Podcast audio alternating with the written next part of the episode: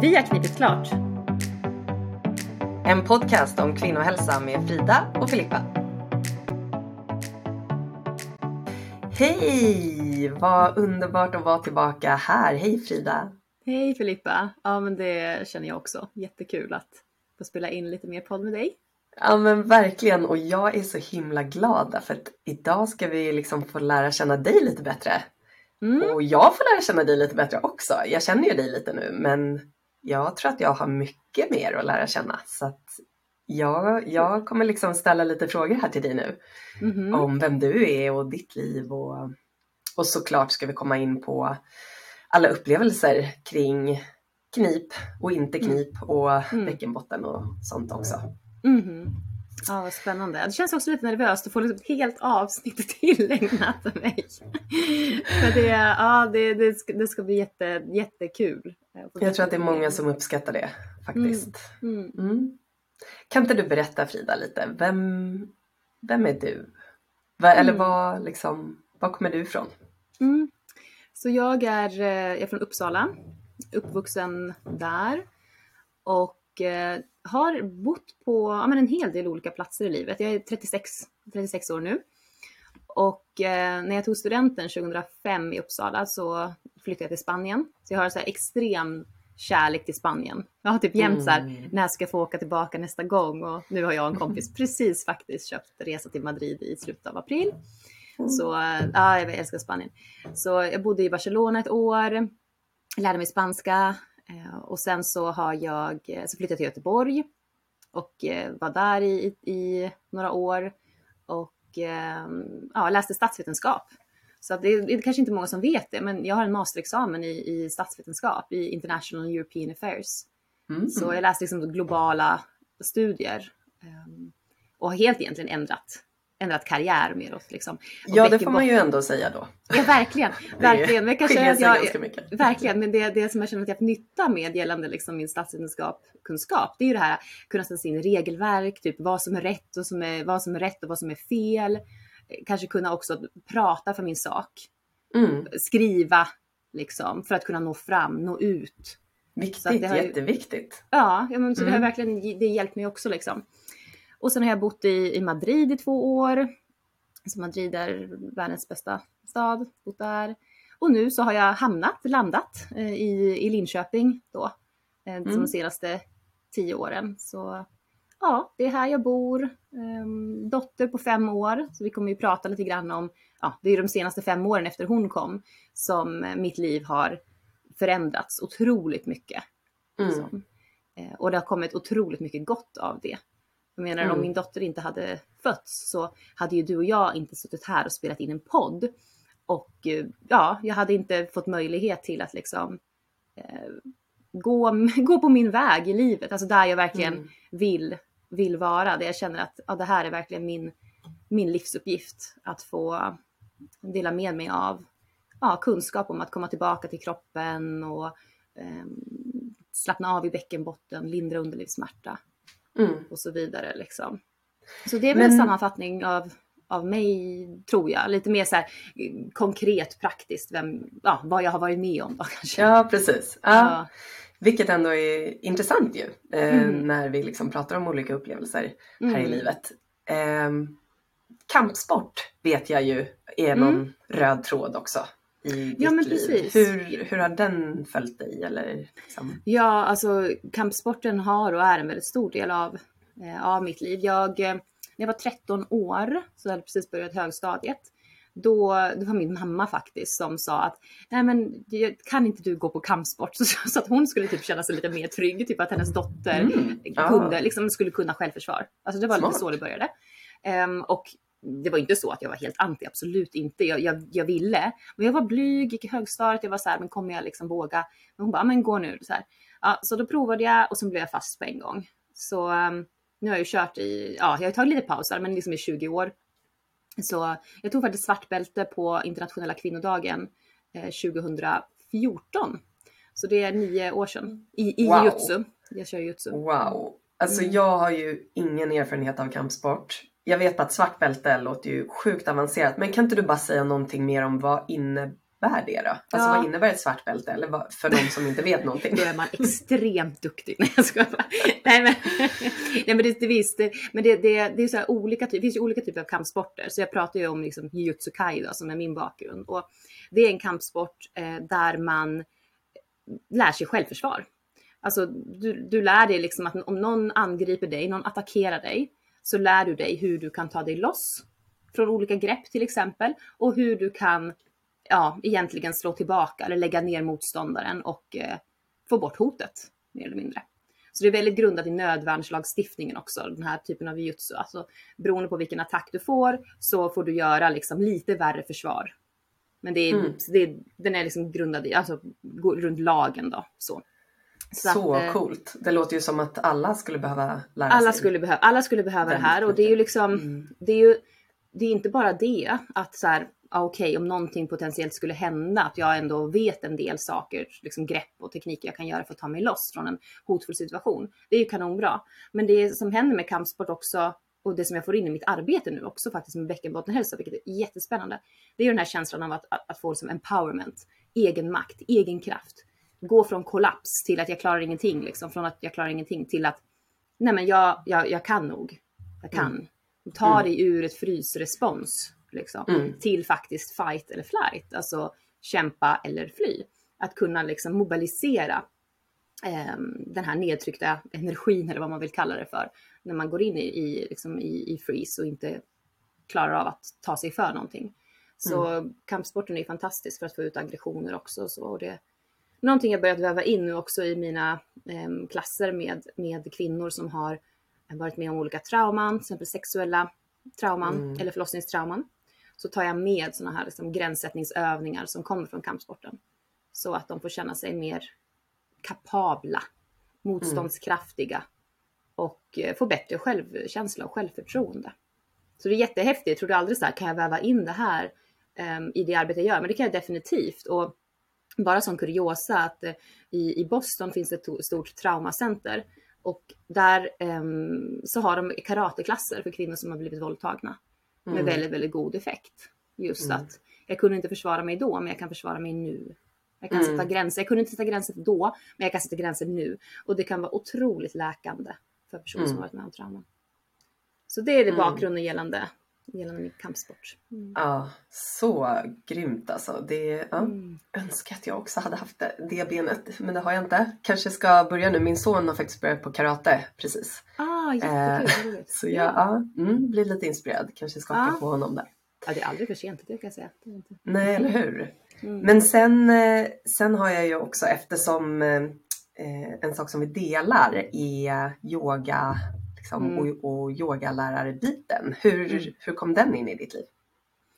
Jag började faktiskt, alltså första gången jag var på yoga, då var jag, det var också högstadiet, det hände, nej, ah. nej gymnasiet tror jag, gymnasiet var det. Eller mm. högstadiet, mm. kommer inte ihåg. Eh, och jag var där med min mamma igen. och med min... Vilken underbar mamma du har. Ja, ja, ja, hon är jättebra. Eh, och min, en av mina bästa kompisar Joanna. Eh, och vi var, på, vi var på någon yoga, det var väldigt mycket så avslappningsyoga. Och det mesta jag kommer ihåg att vi skrattade typ hela tiden. Alltså jag och, jag och Joanna. Eh, det var liksom ingenting vi kunde ta seriöst. Jag kommer ihåg att, att vi skulle stå i trädets position. Det är balansövning, man står på ett ben liksom. Och då säger läraren, fixera blicken på en punkt framför er. Och av någon anledning så tittade jag och Joanna liksom mot varandra och försökte fixera blicken på varandra. Och du vet, vi bara vinglade runt liksom. Och vi bara skrattade, vi var ju så 16 år.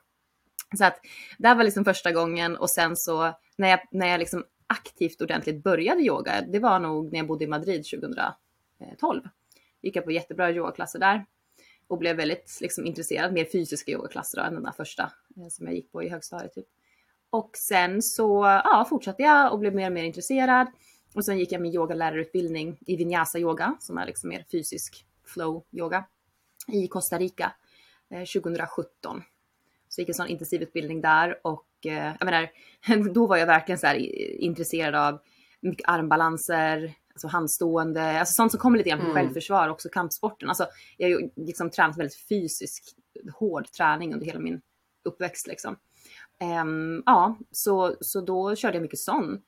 Och sen då liksom efter min förlossning, men då kunde jag ju inte göra sån där typ av liksom stå på händer och grejer. Alltså jag hade ju ont typ konstant i mitt underliv, så det var extremt begränsande.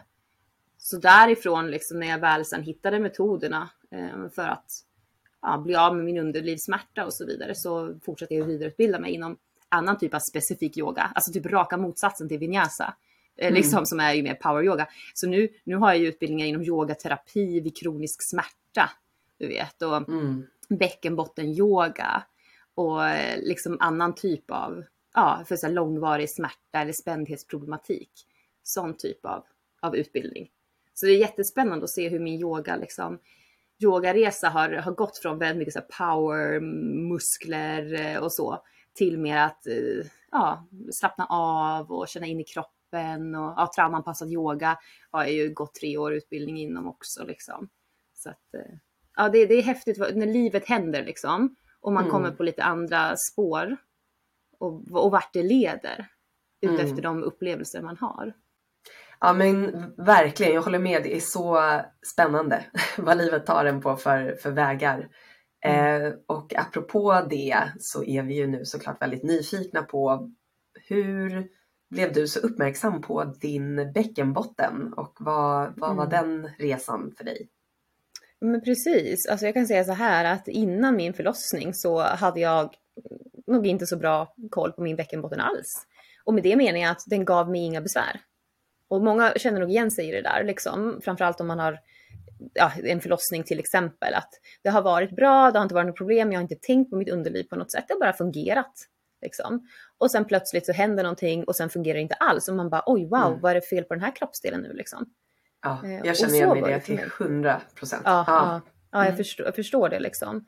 Att någonting helt plötsligt bara förändras från en dag till en annan. Liksom. Som att du, ja, inte vet, en armen helt plötsligt liksom svullnar upp och bara vad är det som har hänt med min arm? Alltså, vad, jag har inte mm. känt den så här förr liksom. Mm. Typ så.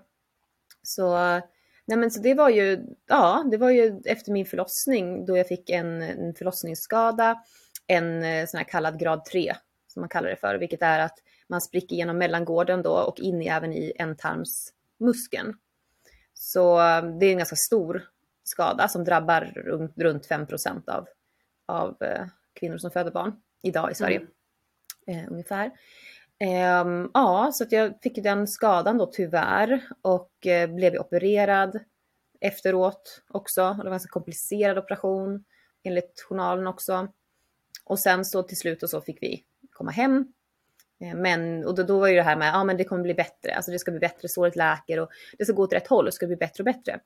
Mm. Och för mig så, visst så var det liksom som att såret läkte men det blev liksom inte bättre för mig utan jag fick bara mer och mer ont fast det var liksom en djupare form av, av smärta. Det kändes som att hela underlivet var liksom ett blåmärke för mig. Mm. Så, um, ja, så det var väldigt tuff tid då det liksom bara blev sämre och sämre. Och sen så kopplat till det här att jag inte fick någon hjälp heller när jag väl sökte hjälp. Och att jag fick mm. höra att ja, men det är inget problem, allt ser fint ut och du kan liksom mm. knipträna lite mer. Det var de mm. råden jag fick. Alltså just den här känslan av att vara helt övergiven och som en liten bebis också. Ja. Hur lång tid hade det gått då när du liksom sökte hjälp och fick de här rekommendationerna? Ja, alltså det var ju efterkontrollen var ju liksom 7-8 veckor efter förlossning. Mm. Så att då hade jag ju laddat med frågor under den. Mm. Och då hade jag till och med läst på liksom, att jag tänkte, ja men har man, om man har ont i underlivet, det kan bero på att, att bäckenbotten har blivit för spänd. Och då ska man ju mm. inte knipträna liksom. Så tänkte jag, men det är bra, då har vi ett möte och det var också en, eller möte, men ett besök och det var också en läkare som undersökte. För har man fått grad 3, i alla fall i Östergötland där jag bor, där då ska en läkare undersöka det här. Mm. Så um, då sa jag till henne faktiskt till och med att jag tror att jag är överspänd i min bäckenbotten. Jag hade läst på. Och då sa hon att nej, att vara överspänd, det är ingen fara. Liksom. Det var typ det jag fick höra. Och sen så mm. att jag skulle knipträna mer då. Eh, bara det. Mm. Och jag bara jaha, och så är man duktig liksom och bara jag vill ju bli bättre. Och så får jag mm. råd om att jag ska knipa. Så då gjorde jag ju det mer och mer liksom. Och blev bara ännu mer spänd och fick mer, ja, men mer så här ångestrelaterat. Och det förstår jag ju nu också att det är väldigt vanligt när bäckenbotten är spänd så är det väldigt vanligt att också ha mycket ångest. Mm. Bäckenbotten drar ihop sig vid hot ändå. Liksom. Så det, det, allting, det påverkar hela systemet. Mm. Så ja, men väldigt mycket ångest. Och jag hade också hela tiden så upprepade urinvägsinfektioner under den här tiden, oh. första halvåret. Jag hade fem urinvägsinfektioner på raken, antibiotika typ hela tiden.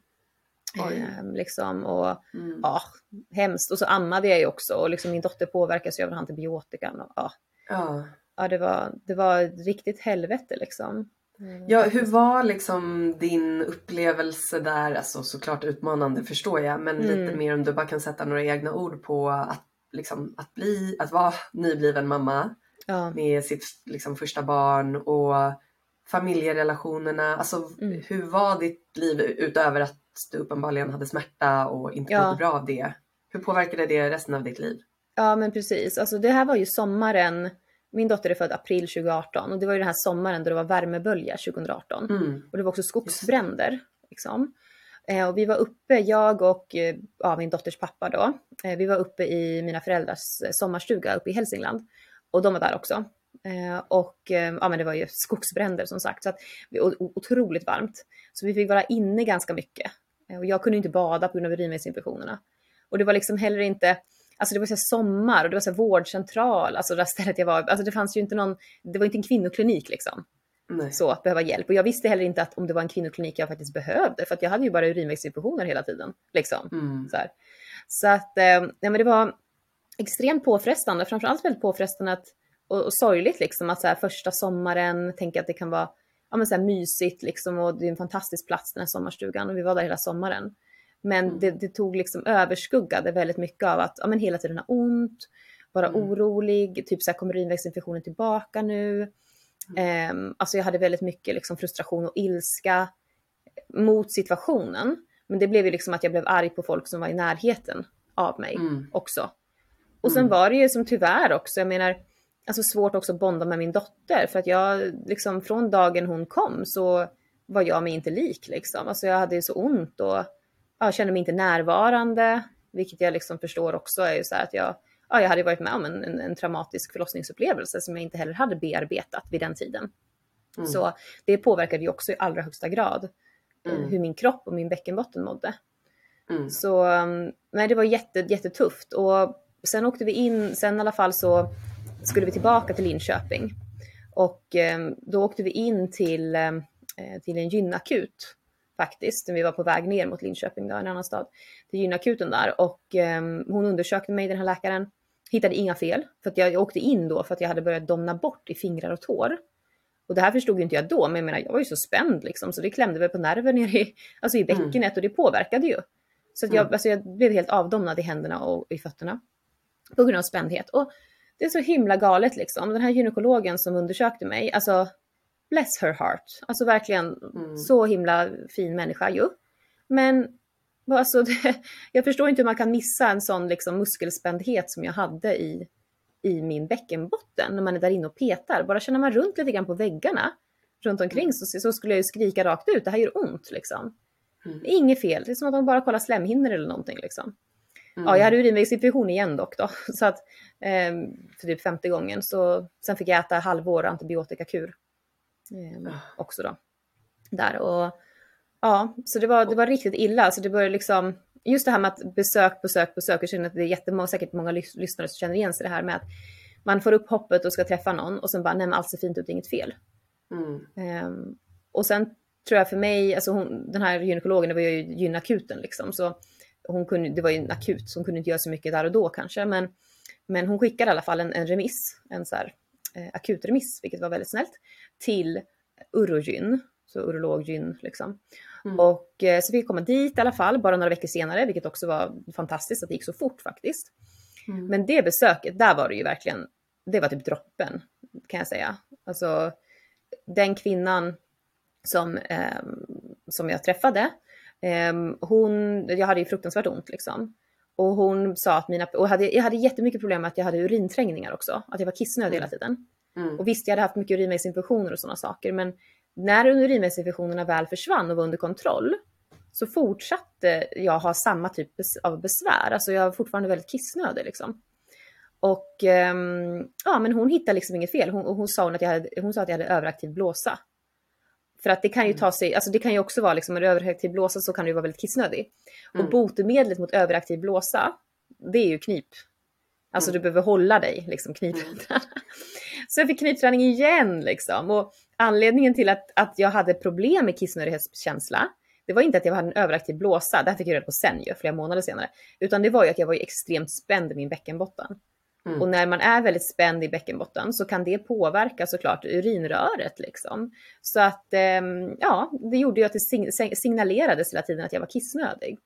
Mm. Så jag hade ju behövt öva på avslappning då, inte knipträning. Så jag var ju fel diagnostiserad och fick felaktig rehab också av den här kvinnan också. Ah. Ja, oh, gud. Vad... Ja, bara ta en liten paus här och ja, ja. ja, gör det. Ja, jag tycker det är jobbigt liksom att prata om de här historierna. Och det, det, är inte bara för att, alltså, jag känner att jag kan prata om det och hålla mig liksom ganska, ganska lugn eller vad man säger. Men det, det är också den här bara att, att nu är det fem år sedan det här, liksom postpartumtiden, min dotter fyller fem i slutet av april då. Och det är liksom som att nu så vill jag verkligen så fokusera, ja, så fokusera framåt. Eh, men jag känner ändå att det är viktigt att, att också att man får höra min historia liksom. Mm. Ehm, så att man vet bakgrunden till varför jag sitter här. Men jag tror att eh, så här ingående, det blir nog kanske sista gången som jag berätt, berättade så här liksom. Mm, eh, mm. faktiskt. För att eh, mm. jag känner att varje gång jag går in och gräver i det där så är det bara så här, jag känner att jag blir trött. Och att jag blir mm. liksom lite så här, alltså håglös och liksom, ja, och det är ju så när man tänker på olika saker. Tänker man på saker som har varit positiva så blir man ju glad i kroppen som att det händer nu. Och tänker man på jobbiga saker eh, och går in i det så, så påverkas ju kroppen här och nu liksom. Mm. Mm. Absolut. Det, ja. Men då har jag, jag har um, en liten fråga och sen, ja. så, sen så vill jag ju också liksom höra mer om resan därifrån. Mm uh, men jag tycker ju att det är intressant för att jag fattar det här med urinträngningar. Mm. Uh, jag tycker att det är väldigt intressant också med kvinnors egna reflektioner kring varför de har mm. olika symptom. Ja. Uh, och det här med urinträngningarna och att du upplevde att du var kissnödig gång på gång kan jag Mm. se att mm. musklerna var tajta och liksom ja. det påverkade nerver och hela ja. strukturen. Liksom. Mm. Vad tänker du är anledningen till uh, urinvägsinfektionerna? Ja men precis, det är en jättebra fråga. Och jag tänker att det liksom hela tiden återkom olika saker. Alltså för det första så tänker jag liksom att ja, jag, jag sprack ju ganska mycket och även in liksom i, i ändtarmsmuskulaturen. Och att det i sin tur kan ju göra liksom så att Eh, ja, men så bakterier från ja, men ändtarmen kommer upp i, alltså, att, och jag hade också kateter, eh, ska jag också mm. säga, för jag hade operation. Och det gör ju också att det kan vara lättare att få den första urinvägsinfektionen. Mm. Så där har man liksom en. Och sen tror jag också att någonting som blev lite problematiskt var ju det att med urinvägsinfektionen så gick jag med den jättelänge. Alltså mm. just att jag, liksom, jag gick ju med den säkert i tre månader typ. Innan jag först fick liksom besked att jag hade urinvägsinfektion. Okay. Och det där är ju också en annan historia liksom för att det är ju att när jag kom till um, efterkontrollen på kvinnohälsan åtta veckor uh, senare, så, och, och, hos den här läkaren, då berättade jag om urinträngningarna. Och då, då sa hon faktiskt, men vi, vi, du får lämna ett urinprov. Mm. Och då fick jag göra det. Men sen så blev det något strul med det där provet. Så att jag hörde aldrig någonting liksom, tillbaka. Varken, då tänker man, de ringer ju om det är positivt. Men jag hörde mm. ingenting. Och sen då tre veckor, eller liksom så här, fyra veckor typ efter att jag hade lämnat provet, då ringde min läkare och bara eh, det har blivit något fel här, ber så mycket om ursäkt, typ jag hittar provet nu eller hur det nu var. Det är liksom att semestertider och någon hade missat att lägga provet på någon och sådär. Så då visade det sig att jag hade urinvägsinfektion. Och de besvären jag hade från urinvägsinfektionen, alltså det hade jag ju haft från starten liksom. Det kommer mm. från hela katetern och hela förlossningsskadebiten. Mm. Så jag gick ju åtminstone med urinvägsinfektion fyra veckor längre än vad jag hade behövt. Mm. Och det här IVO anmälde jag faktiskt och fick rätt för. Eh, och det som skedde då liksom var att de ändrade rutinerna på mm. eh, det här stället då för att eh, det här inte skulle upprepas. Men Gud vad bra så, så det, att du anmälde det och fick rätt. Det är ja, så sällan rätt. jag hör om någon som får ja. rätt faktiskt. Ja men det fick jag eh. rätt för. Um, mm. Och um, så, fick jag också, så fick jag också rätt för faktiskt att jag anmälde också eh, läkaren som jag pratade om som sa att jag hade överaktiv blåsa. Mm. För att hon inte hade gjort en ordentlig utredning. Och det fick mm. jag också rätt för. Så hon, hon, jag fick rätt för det. Så hon prickades mm. av IVO eller vad man säger. Då. Mm. Så det tycker jag också känns jättebra. Lite upprättelse liksom för Ja, där kommer den här statsvetenskapsutbildningen in väl till hands nu liksom. Ja. Jag ska läsa lite paragrafer. Vad jag har rätt Nej men verkligen och upprättelse liksom för dig och för oss kvinnor. Alltså mm -hmm. att, att man mm. faktiskt påverkar systemet konkret till ja. någonting som kan bli bättre. Mm. Så himla viktigt. Så mm. tack för, ja. för att du tog, gjorde den ansträngningen och anmäla. Ja. Därför att det, när man är där nere på botten då är det liksom inte Nej. Som att man vill sätta sig och fylla i en massa blanketter. Eh. Nej, jag ska säga att jag, jag fyllde i massa blanketter när jag hade väl börjat ta mig lite ur det här djupaste mörkret.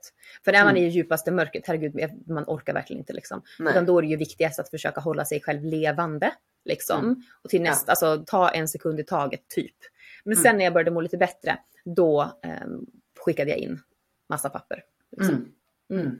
Så det, det var ändå, ja men det var ändå väldigt bra. Ja men sen med urinvägsinfektionerna att de återkom.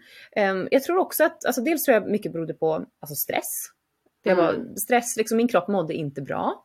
Mm. Eh, säkert liksom lätt att dra på sig massa infektioner och så då.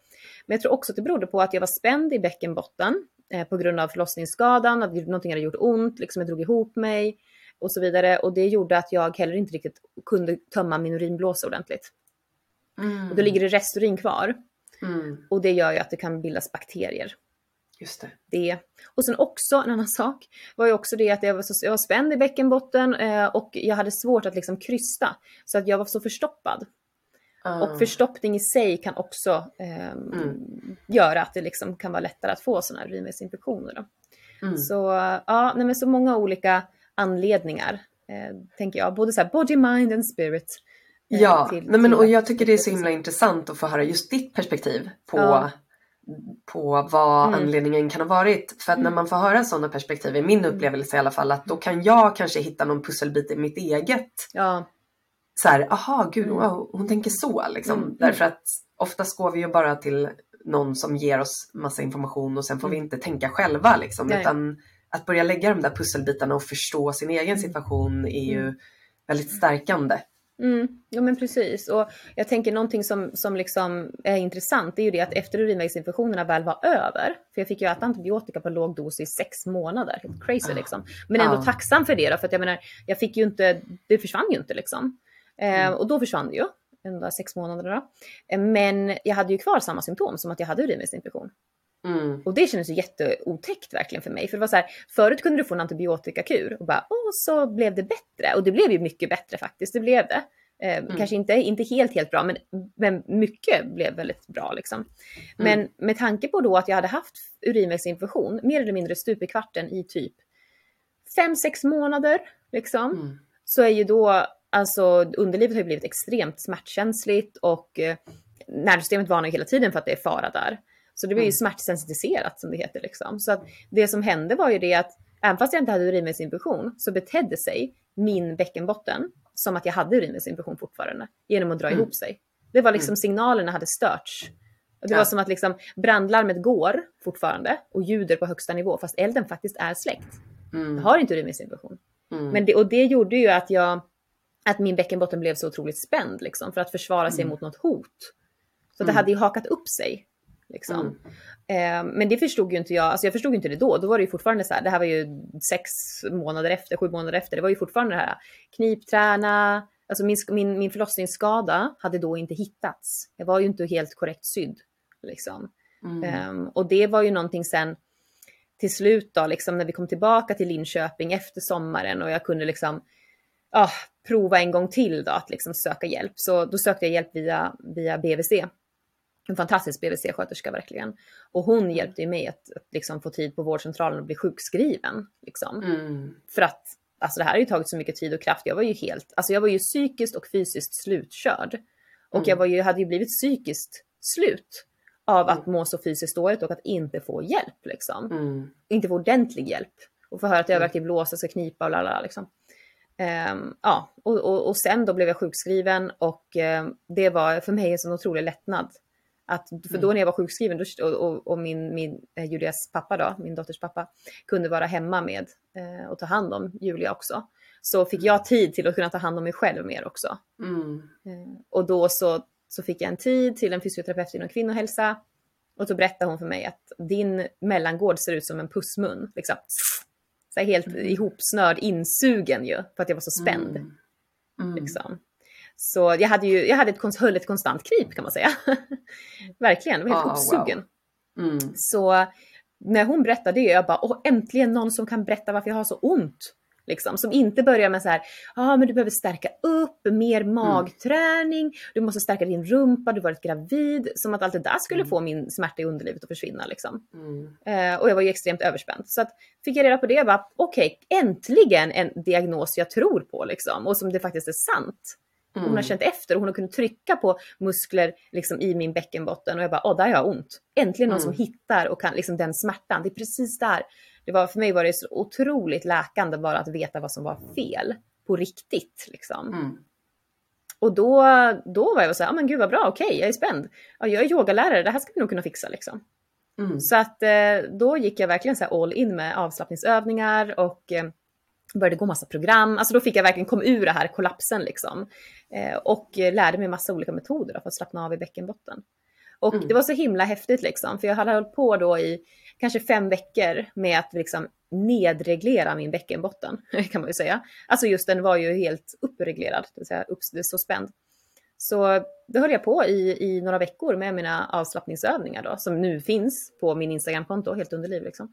Mm. Och efter typ så här fem, sex veckor så märkte jag bara, jag, jag kommer så väl ihåg den gången, att jag gick och la mig en kväll och hade inte ont. Och det var mm. första gången jag bara, jag har inte ont. Åh herregud. Är det så här känns jag har inte ont? Och för ah. mig var det, jag kunde andas liksom för första gången då på typ åtta månader. Det var, ja, det var helt fantastiskt att bara kunna känna wow. så här.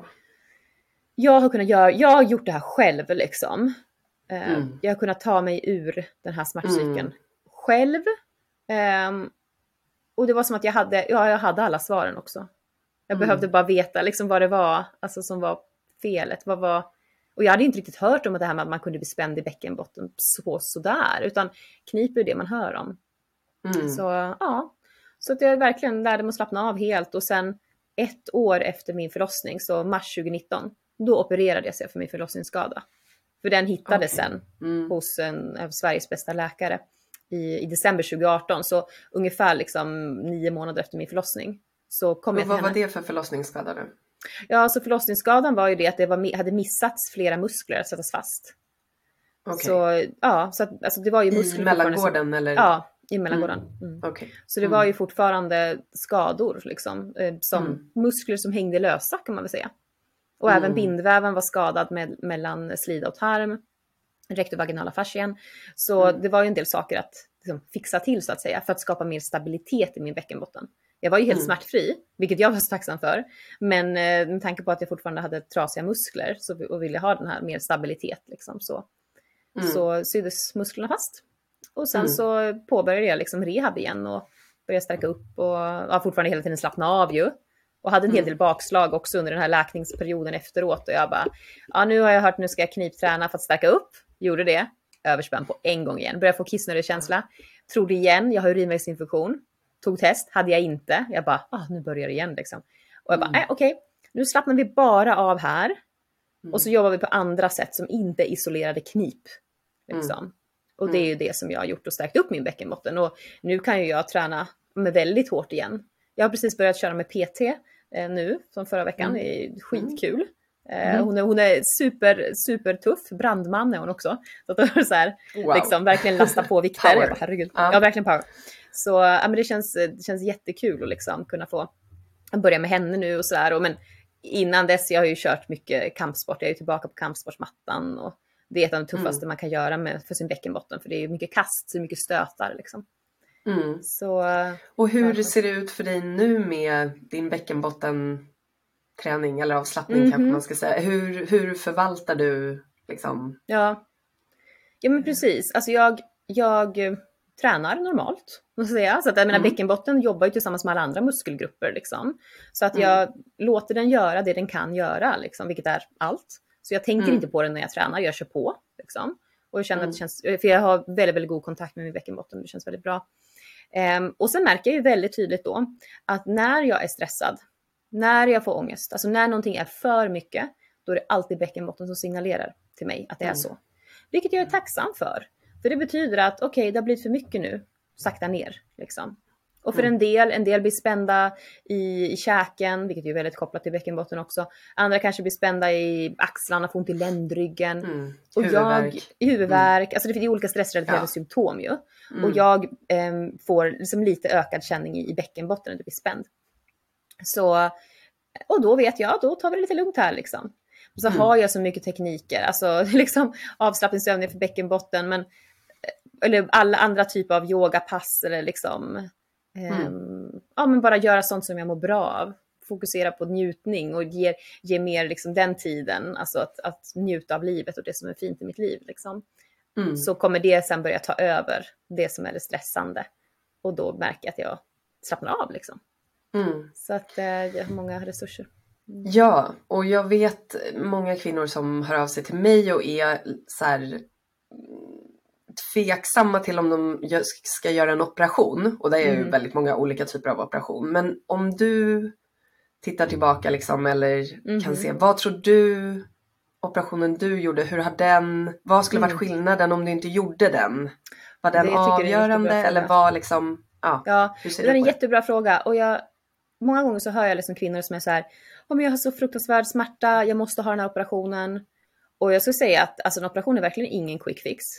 Och det är heller inte säkert att, att operationen i sig kommer lösa smärtproblematiken. Utan det kan ju vara att man gör en operation och så blir man ännu mer spänd, alltså för att du, du skär ju, det blir ett sår liksom. Ehm, och att det blir ja, mer spändhetsproblematik.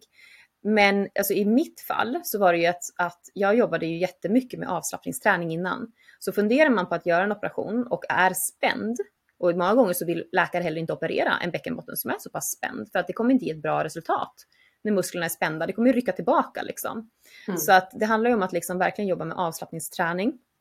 Eh, och att så att man, så man får, alltså har en bra grundtonus i sin bäckenbotten mm. inför en operation. Så det kan man ju börja med redan på en gång liksom. Eh, oavsett om man funderar på att operera sig eller inte operera sig. Att skapa den här kontakten och slappna av liksom. Mm. Eh, men det som, som jag märkte väldigt tydligt, liksom, för det var ju svårt för mig att veta så här, vad är förlossningsskadans alltså vad, vad, vad i mig har orsakats av den här förlossningsskadan, alltså vilka problem. Liksom. Mm. Så att mm. jag, var ju, jag var ju helt smärtfri inför, in, innan operationen. Och hade säkert kunnat fortsätta vara det. Alltså kunnat stärka upp de muskler som var svaga i min bäckenbotten och, och, och men, liksom jobba lite så. Men anledningen till att jag opererade mig, det var ju för att eh, jag märkte väldigt tydligt att när jag krystade, jag hade svårt att bajsa.